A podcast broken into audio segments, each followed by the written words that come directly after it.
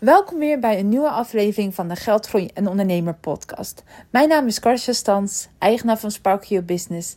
En ik help ondernemers uh, met financiën en vooral in de toekomst kijken. En uh, dit keer heb ik een heel specifiek onderwerp waar ik met jullie over wil spreken. En dat is de voorlopige aanslag. En uh, waarom ik hier zo specifiek over wil spreken, is omdat ik uh, bij mijn klanten een beetje paniek ontstond. Maar ook uh, vooral dat ik in LinkedIn ineens in een soort uh, discussie was beland. En nou, laat ik even de LinkedIn-discussie behandelen. Want ik denk waar deze vrouw tegenaan liep, dat er meer mensen uh, tegenaan lopen. Het is uh, januari, uh, februari en als jij vorig jaar al ondernemer was, of ja, je hoeft nog niet eens ondernemer te zijn trouwens, de meeste mensen krijgen een voorlopige aanslag en, van de Belastingdienst. En uh, zeker als je ondernemer bent, kijk, als je een particulier bent en je hebt, uh, je hebt een hypotheekrente of je krijgt voor andere manieren geld, dan krijg je ook een verlopen aanslag. Maar die is natuurlijk niet zo heftig, want meestal krijg je dan geld van de Belastingdienst. als je ondernemer bent, moet je meestal betalen. Zeker als je iets van winst hebt gedraaid en je hebt de voorgaande jaren moeten betalen. Nou, dan kan je erop wachten dat je dit keer een voorlopige aanslag krijgt. En als je zo'n brief opent, kan ik me voorstellen dat je denkt van wat staat daarin? Want uh, het gaat om bedragen. Uh, het gaat niet om 300 euro, nee, het gaat om duizenden euro's. Dus als je zo'n brief niet verwacht, denk je echt van: uh, help uh, dit. Nou, dat was dus ook het uh, bericht van LinkedIn. dat deze vrouw had, een, had ook zo'n voorlopige aanslag gehad. Die wou ook net een nieuwe auto kopen. En die kreeg die aanslag en die ging, ja, misschien een beetje overdreven zeg, helemaal over de rode. Dat ze die aanslag kreeg, dat het oneerlijk was. En dat het niet netjes was van de Belastingdienst. En dat ze nu geen nieuwe auto kon kopen, omdat ze het gelijk moest betalen. nou ja, ik reageerde op dat het allemaal niet zo'n probleem was. En dat er verschillende oplossingen waren. Nou, dat is in een hele discussie. Volgens mij is de post ook weggehaald. Want meer mensen uh, uh, dat, waren het eens met mij dat het niet echt een probleem was. Maar goed, ik kan me voorstellen, als jij zo'n eerste keer zo'n aanslag hebt gehad. zo'n voorlopige aanslag hebt gehad, dat je het echt denkt, wat? Want laten we wel wezen, je hebt überhaupt de IB-aangifte van 2023 nog niet betaald. Nog erger, als je me deze podcast voor maart hoort, kan je hem nog ineens niet doen. En uh, dus ik kan me voorstellen, als jij vandaag morgen je post opent en je ziet de aanslag van 15.000 euro, denk je, eh, dat valt niet zo heel lekker, want je hebt dat geld niet, want dat moet je nog verdienen.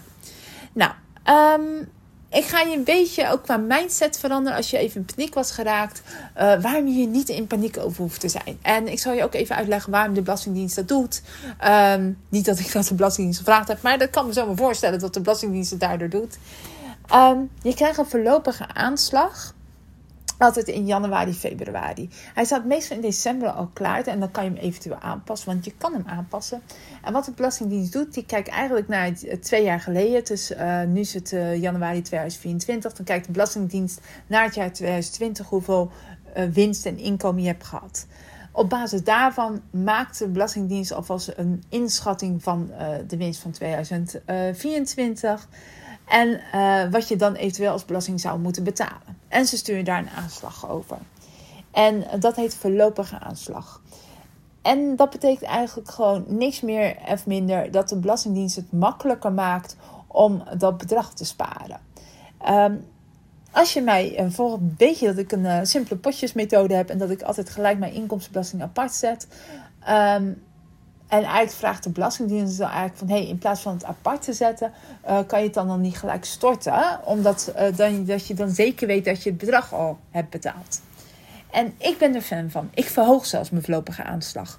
Want uh, wat is er fijner? Uh, in ieder geval, ja, wat is er fijner? Ik denk dat het voor iedereen persoonlijk is. Maar ik vind het heel erg fijn dat als ik uh, daar in uh, maart, april, mei, juni daar die definitieve aanslag krijg over 2023, dat ik dan niet ineens een gigantisch bedrag moet betalen. Ik heb dat in het verleden gehad. Ik vind het vreselijk ook gewoon qua gevoel dat ik in één keer zeg maar 23.000 euro moet overmaken. Ik heb liever dan dat ik de helft al heb betaald of al een groot deels hebt betaald. Dat het gewoon via maandelijkse incasso weg is gegaan.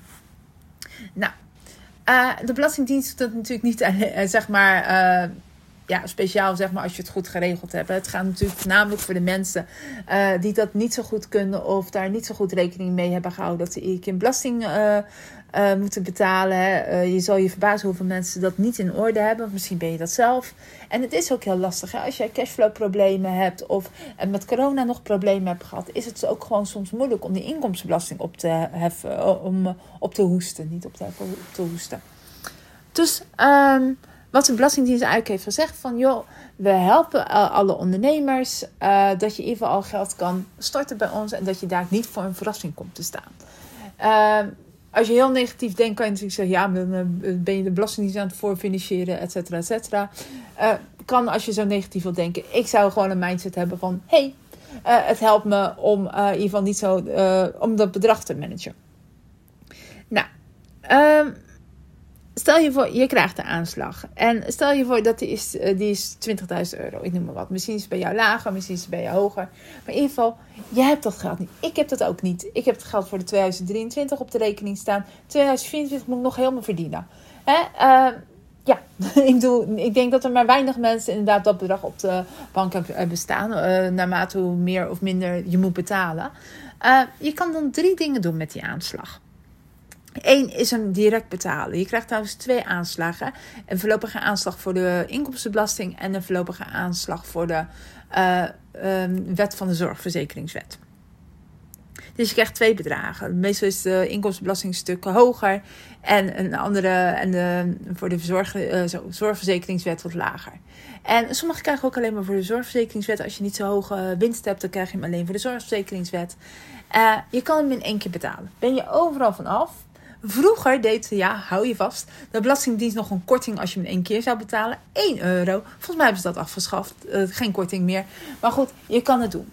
Uh, het voordeel is dat je er vanaf bent. Het, uh, ja, het nadeel is dat je het gelijk het geld moet oppoesten.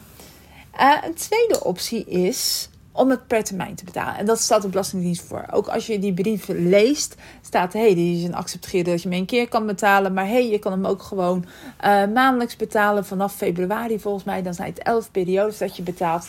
Dus het bedrag deed je door elf. Uh, er zit zelfs volgens mij echt een formulier, machtingsformulier aan, aan, vast wat je kan insturen naar de Belastingdienst. En dan regelen hun dat gewoon elke maand dat bedrag uh, wordt afgeschreven. Super makkelijk. Um, je kan ook een combinatie doen. Dat heb ik vorig jaar gedaan. Dus ik heb de eerste vier maanden heb ik uh, gewoon maandelijks af laten schrijven. En toen ik genoeg geld had op mijn potje inkomstenbelasting, heb ik het een keer betaald. En uh, heb je er geen last meer van. Uh, het argument wat in LinkedIn werd gebruikt van ja, maar dan word ik elke maand herinnerd dat ik belasting moet betalen. Dat is natuurlijk echt een cool, uh, cool argument.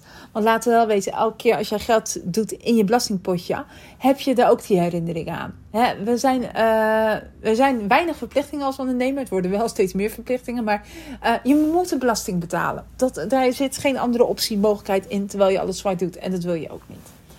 Um, een andere optie is, is om je voorlopige aanslag te verlagen. Dat is super makkelijk. Als je denkt, de Belastingdienst doet natuurlijk een inschatting. Als jij zegt over 2024, hey, uh, jullie zeggen dat ik uh, eh, 50.000 euro winst heb, maar uh, ik heb nul winst. Dan gaat de Belastingdienst echt niets van zeggen, want die weet dat niet. Um, dus jij kan ook gewoon inloggen op de Belastingdienst. Gewoon onder je eigen naam. Dus niet als ondernemer, maar onder je eigen naam. En daar de belasting voorlopige aanslag aanpassen. En je winst op nul zetten. En dan hoef je het bedrag niet te betalen. Super simpel. Het grote gevaar is natuurlijk wel als jij niet goed bent met potjes uh, en de Belastingdienst komt over een uh, jaar en je hebt niks op je rekening. Dan is het echt heel shit en daardoor, daarvoor doet de Belastingdienst natuurlijk ook. Dus uh, is eigenlijk helemaal niet zo heel veel grote paniek. Of je betaalt per maand wat je al normaal al apart zou zetten in je belastingpotje. Als hij te hoog is, verlaag je hem. Je kan hem helemaal zelfs verlagen naar nul. Uh, zou ik niet aanraden. Je kan hem ook verhogen. Dat heb ik gedaan. Ik doe eigenlijk altijd elke december log ik even in bij de Belastingdienst. Kijk ik wat ze aangeven. Uh, schat ik wat, ik me, wat voor winsten ik uh, denk te halen. En meestal doe ik hem iets hoger. Ik doe trouwens nooit echt het volledig bedrag. Dat moet ik dan ook wel eerlijk zeggen. Ik doe meestal de helft of zo. Dat ik in ieder geval nog iets in de hand heb want uh, we weten nooit hoe het jaar loopt. Uh, stel je voor dat je denkt 50.000 euro winst te hebben. Want als het goed is, heb jij een financieel jaarplan. Anders kan je die gewoon kopen natuurlijk op mijn site www.parkouryourbusiness. Voor 14,50 ben je een heel gelukkig mens. Um, Maar uh, in het financieel jaarplan staat natuurlijk hoeveel winst je verwacht. Ik doe die meestal delen door twee. Uh, want het is natuurlijk een verwachting. Het kan meer zijn, het kan minder zijn. In mijn geval is het altijd meer geweest. Dat er steeds meer klanten bij kwamen. Maar ja, weet je, dan heb je het in ieder geval de hand. En als je op een gegeven moment denkt, kan je ook nog tussendoor uh, aanpassen. En dan betaal je gewoon halverwege het jaar wat meer. Dus het is eigenlijk helemaal niks om in paniek te raken. Ook helemaal niks om in de stress te raken of kwaad over te raken dat het oneerlijk is en dat de wereld tegen je is. Uh, ja, doe dat niet. Weet je, dat is zonde van je energie. Er is echt niks aan de hand. Niemand heeft dat geld. De Belastingdienst verwacht ook niet dat je dat geld hebt. Je kan gewoon in termijnen betalen. Je mag het ook in één keer betalen als je daar behoefte aan hebt. En je kan het ook gewoon helemaal op nul laten zetten of doen zetten. Het is echt een simpele handeling. Dus wees daardoor niet in paniek. wees gewoon chill. En uh, ja, dat eigenlijk. Maar daar komt natuurlijk wel een punt. Maak wel een financieel plan. Het is pas januari. Maak een financieel plan voor 14,50. Op mijn site heb je daar een prachtig document voor. Het is in Excel. het rekent zich helemaal vanzelf uit. Je kan zelfs je privékosten erin verwerken. Ik krijg ook nog een leuke video met handleiding. Maar uh, ja, raak alsjeblieft niet in de stress of wees niet kwaad op iemand of iets of een instantie. Want uh, het heeft helemaal geen nut. Iedereen krijgt het. En je, ja, je krijgt het ook niet als het, een, uh, als het in je voordeel is. Dus ja, dat eigenlijk. Dus raak niet in paniek. Stay calm. Oké, doeg!